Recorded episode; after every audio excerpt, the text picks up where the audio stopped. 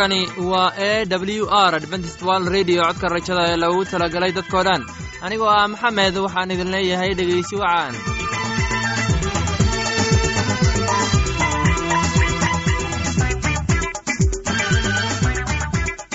barnaamijyadeena maanta waa laba qaybood. Qaybta kuwaad waxaad ku maqli doontaan barnaamijka nolosha qoyska uu inoo soo jeedinaya sulaymaan. Kadib waxaa inoo raaci doonaa cashar inaga imaanaya bugga nolosha uu inoo soo jeedinaya faarax labadaasi barnaamij ee xiisaha leh waxaa inoo dheeraysa daabacsan oo aynu idiin soo xulnay kuwaas oo aynu filayno inaad ka heli doontaan. Dhegeystayaasheena qiimaha iyo qadaradda lahow waxaynu ka codsanaynaa inaad barnaamijkeena si haboon u dhegeysataan haddii aad wax su'aalaha qabto ama aad haysid wax tala ama tusaale fadlan inala soo xiriir dib ayaynu kaga sheegi doonaa ciwaankeenna. Bal intaynan u gudagelin barnaamijyadeena xiisaha leh waxaad marka hore ku soo dhowaataan heestan daabacsan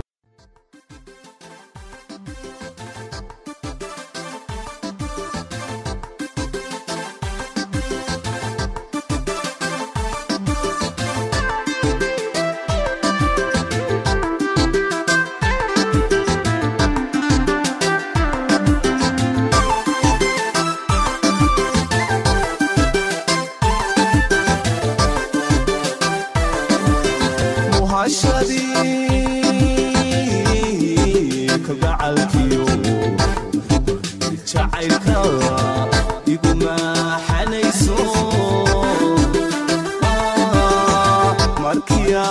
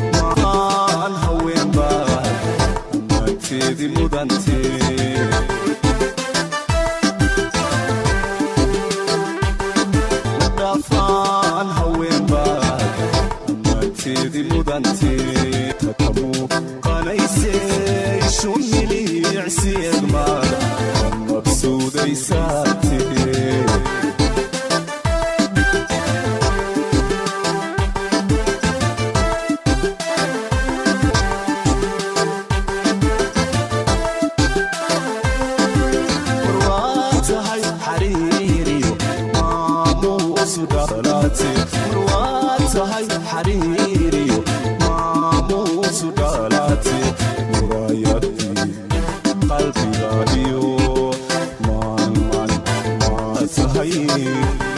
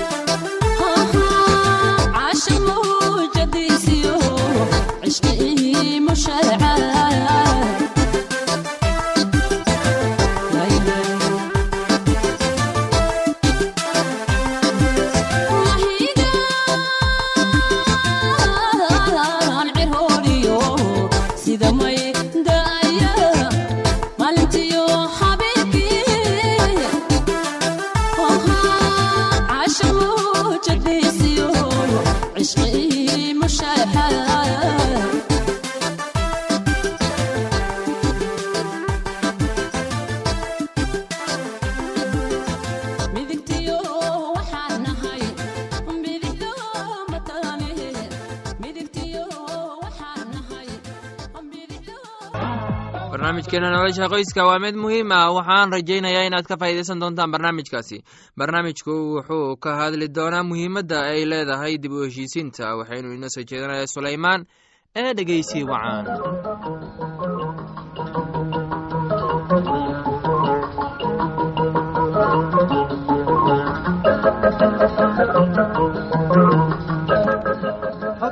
dhegeys haddii aynu soo ogaanay waxay tahay dib u heshiisiin. Haddaba waxaa muhiima inaan isweydiinno su'aasha ah maxay tahay muhiimadda ay leedahay muxuu ahayn dib u heshiisiin? Dib u heshiisiinta muhiimaddeedu qof walba wuu garan karaa oo wuu dareemi karaa. Mar allaale markii la qabanqaabiyo oo la diyaariyo in dib loo heshiisiiyo waxaa markaasi la galaa dadaal aad u weyn oo ah in xal la gaaro oo dhibaato la xaliyo waayo haddii aan xal aan la xalin dhibaatada ama wixii dhacay waxaa sii soconaya uurkutaalladii ama dagaalkii ama wixii markaasi la kala haystay oo colaaddii meesha ayay ka sii soconaysaa. Muhiimadda ay dib u heshiisiin u leedahay waxay tahay waxaa la tuuraa oo daaqadda laga tuuraa wixii xurguf ah ama colaad ah oo markaasi dhex maray dadka. Waxaad la socotaan in waddanka soomaaliya in toddoba sannadood ay ka socdeen dagaalo dagaalladaas oo ay saamaysay nolosha qoysaska meel walba ha joogeene. Qoysaskaasoo u barakacay muxuu ahayn waddanka dibaddiisa amaba ay u barakaceenba gobol ilaa ka gobol taasoo ay keentay muxuu ahayn inay kala qaybsamaan qoysaskii oo dhibaatooyinkiina halkii ay ka sii socdaan. Dad badan ayaa jecel inay ku soo noqdaan guryahoodii oo markaasi noloshoodii inay dib u bilaabaan. Laakiinse taasi uma suurtoobi karto waayo waxaa sii socda rabshaddii iyo dagaalkii. Qoysaska doonaya inay soo noqdaan waxay ku noqonaysaa arrin aad u adag haddii markaasi ay jirin heshiis markaasi uu la gaaray taasoo ahaa mid guud oo qaran ah. Dhegaystayaal haddii aad su'aashaas idi weydiiyey waxaa laga yaabaa midkiina midka kaleba inuu hayo jawaab jawaabtaasoo ay inta badan tahay mid sax ah. Waa marka la eego qof walba ra'yigiisa haddaba muhiimadda ay leedahay dib u heshiisiin waxay tahay in dhibaatadii laga gudbo oo markaasi loo gudbo dhanka nabadgelyada oo markaasi ay noqoto nolol iyo mustaqbal oo dib loo dhiso. Haddii ay dhacdo dib u heshiisiin oo layska ilaawo wixii dhacay ama wixii kala gaaray qoysaska ama muxuu ahayn dadka kale ayaga beelaha ah is haysta waxa ay noqonaysaa dadkii waxay awoodi karayaan inay soo laabtaan oo ay guryahoodii ku noolaadaan oo islamarkaasay noqdaan dad dib u bilaaba mustaqbalkoodii. Islamarkaasna dib ayaa waxaa loo dhisi karaa waddankii oo waxaa la dhisi karaa waddooyinkii waxaa dib loo dhisi karaa iskuulladii oo waxaa dib u soo noqon kara ilihii dhaqaale ee markaasi waddanka ka jiray. Laakiin haddii laga layska daayo oo layska indha tiro ama layska dhiga tiro muxuu ahay nabadgelyada waxay noqonaysaa in ay dhibaatadaasi sii socoto. Burburka iyo dhibaatadana ay halkaasi ka sii jiraan. Waxaannu la soconnaa in dagaalladu ay koosgareeyaan ama ay abuuraan dhibaatooyin aad iyo aad u fara badan taasoo ah mid naf mid maal iyo weliba mid muxuu ahayn dhaqaale iyo muxuu ahayn wax kalaba. Haddaba mar allana markaa muxuu ahayn la wada hadlo lays hor fadhiisto isla markaasna la gaaro xal lagu xalinayo intii dhacday dhibaato ahayd ee muxuu ahayn soo jiitaneed in muddo ah. Waxaa dhacaysa in dadkii ay farxad iyo nolol ku soo laabtaan oo ay noqdaan dad noloshoodii dib halkii uga sii bilaaba.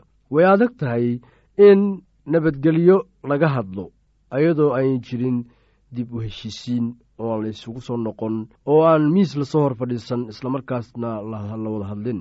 Waxaad la socotaan in diimaha ilaahay ay ka hadleen muxuu ahayn reconciliationka wax la yidhaahdo ama dib u heshiisiinta waayo ilaah waxa uu aad ugu farxaa oo u jecel yahay in dib loo loo heshiiyo oo qofka walaalkiisa inuu caafiyo walaalkiis islamarkaasna uu iska ilaawo wixii horay u dhacay maanta waxaa aad loogu baahan yahay oo baahi weyn loo qabaa in nabadgelyo iyo dib isu soo noqosho ay ka jirto soomaaliya si markaasi ummaddii ay u noqdaan kuwo qiimahoodii qarannimo haybad iyo sharaf ay dib ugu soo noqoto taasoo aan ognahay in gurigu inuu yahay lama huraan taasoo ah waddankeenna soomaaliyeed waxa uu hoy u yahay qof walba oo soomaaliyeed. Marka walaalayaal waxaan idin dhihi lahaa ha noqoto beelaha ha noqoto qoysaska ha noqoto dadka kale ayaga markaasi ka shaqeeya siyaasadda iyo culimaa udiintu waa inay mar walba niyadda ku hayaan in qiimaha dib soo noqoshadu ay tahay shay qaali ah oo aad loogu baahan yahay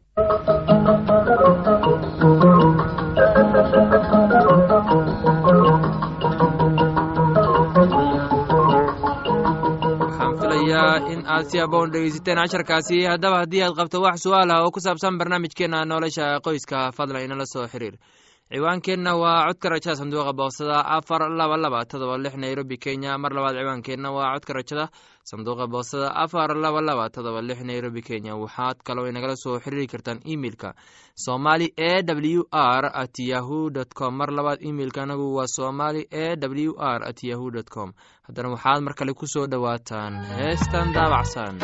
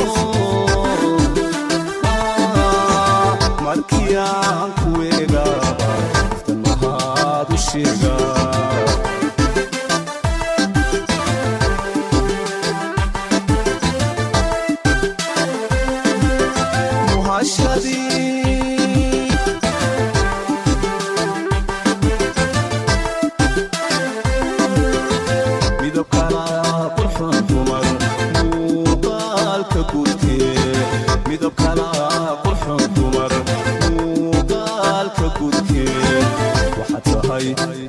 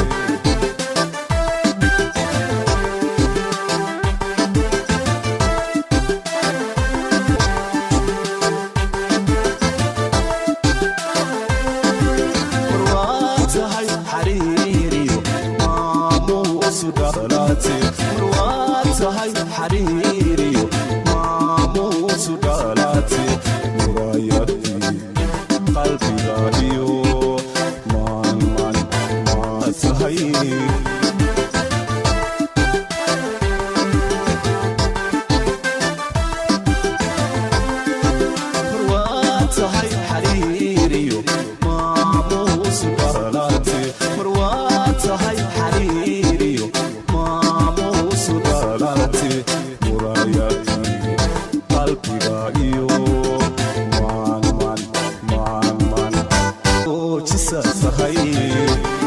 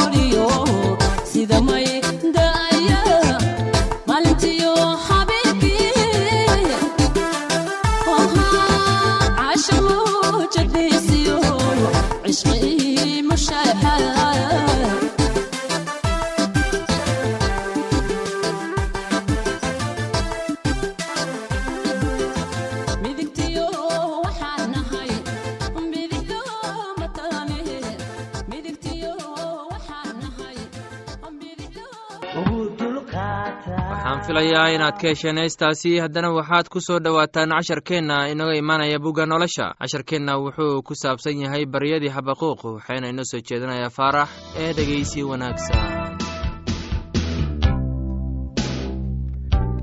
Dhegeystayaasheena qiimaha qadarinta mudano weli waxaan ku jirnaa bartamihii iyo gebagabadii kitaabkii xabaquuq mowduuceena wuxuu ku saabsan yahay baryadii xabaquuq tan waa salaadii xabaquuq oo lagu luuqeeyey shigniyood rabbiyow waxaan maqlay warkaagii waanan cabsanayaa rabbiyow shuqulkaaga soo noole sannadaha dhexdooda sannadaha dhexdooda ogeysii oo markii aad cadhootid naxariis soo xasuuso.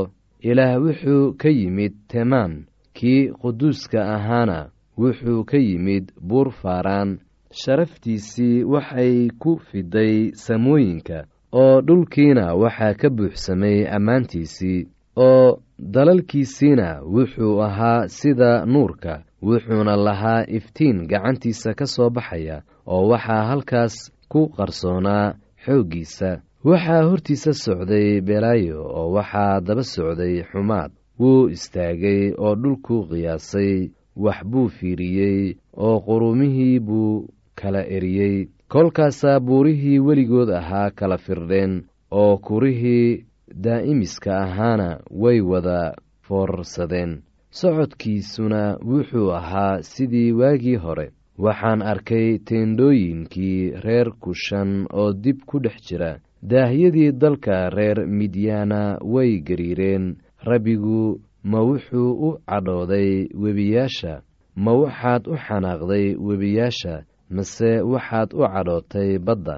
Ma saas aawadeed baad u soo fuushay fardahaaga iyo gaarifardoodyadaadii badbaadinta. Qaansadaadii daaha baad ka qaaday. Dhaartii aad qabiilooyinka ugu dhaaratayna waxay ahayd erey run ah. Dhulka waxaad ka dilaacisay webiyaal. Buurihii way ku arkeen oo way cabsadeen biyaha xoogga lahuna way iska gudbeen moolkii godkiisu ku haray gacmihiisiina kor buu u taagay qorraxdii iyo dayaxiiba waxay istaageen rugtoodii. Markay fallaadhahaaga nuuraya lalayeen iyo markuu warankaaga dhalaalaya birbirqayay dalkii xanaaq baad kula dhex socotay quruumihiina cadho baad ku tumtay waad u soo baxday inaad dadkaaga baabi'iso daraaddeed iyo inaad badbaadiso kaaga subkan. Reerka sharowga madaxiisa waad dhaawacday aasaaskiina waad soo bandhigtay. Madaxii dagaalyahanadiisa waxaad ku mudday ulihiisa waxay u yimaadeen sidii dabayl cirwarayn ah inay ikala firdhiyaan daraaddeed. Raynrayntooda waxaad waxay ahayd inay masaakiinta qarsoodii u dhammeeyaan. Fardahaagii waxaad kula tumatay baddii taasoo ahayd biyaha aad u badan oo iskor taalaysan oo codkii aawadiis ayaa bushimahaygu la dhaqdhaqaaqeen. Lafahaygiina way qudhmeen oo meeshaydan ku gariiray inaan iska nasto intaan sugayo maalinta dhibka oo ay ciidamadu ku soo kici doonaan dadka.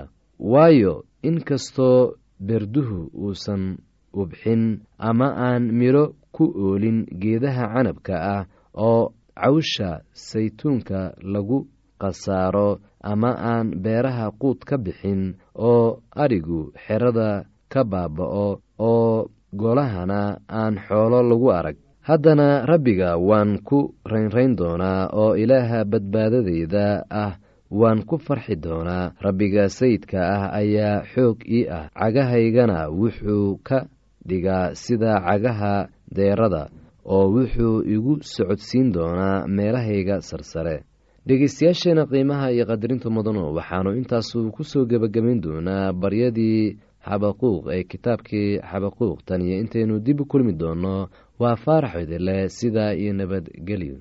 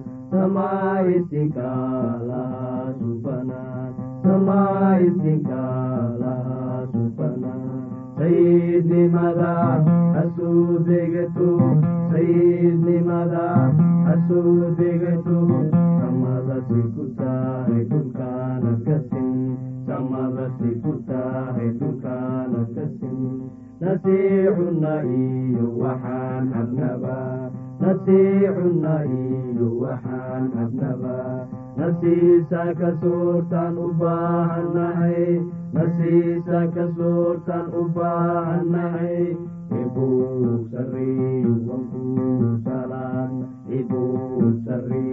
wankuu salaad samaa'isinka lahaa hasuu degato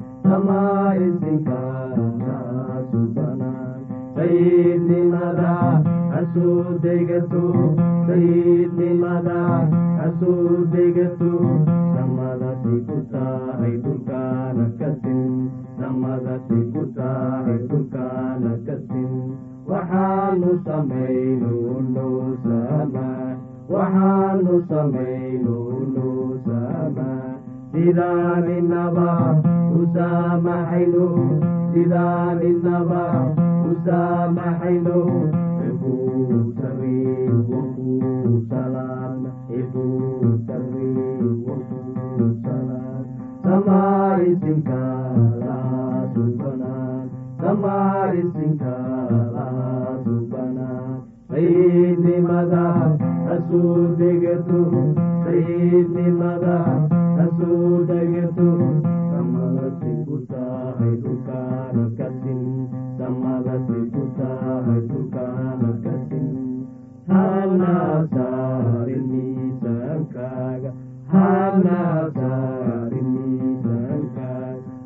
hanagu siidayn siriiq shaydaan hanagu siidayn siriiq shaydaan ibuu sariir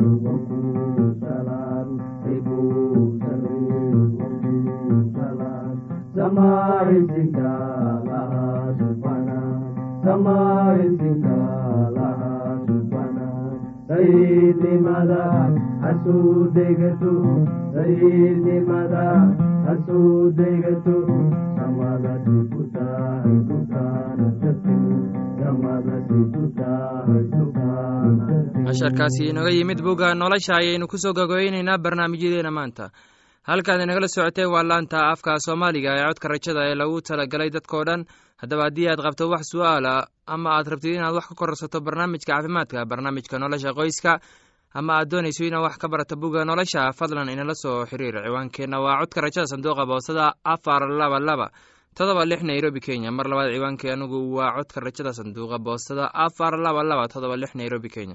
Waxaad kaloo inagala soo xiriiri kartaan emeilka somali e w r at yahu com. Mar labaad imeilka anigu waa somali e w r at yahu dt com. Dhegeystayaasheena qiimaha iyo khadradda lahow meel kasta aad joogtaan. Intaa mar kale hawada dib ugu kulmayno waa anigoo ah maxamed waxaan idin leeyahay sidaas iyo nabadgelyo